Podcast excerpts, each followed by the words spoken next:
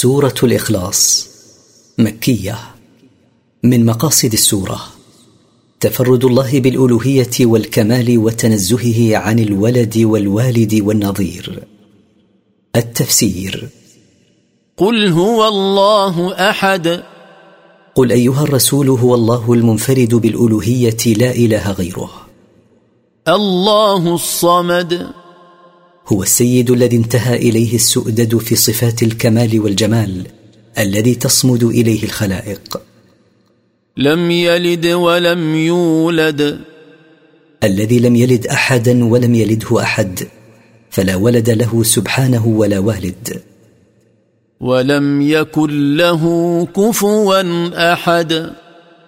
ولم يكن له مماثل في خلقه.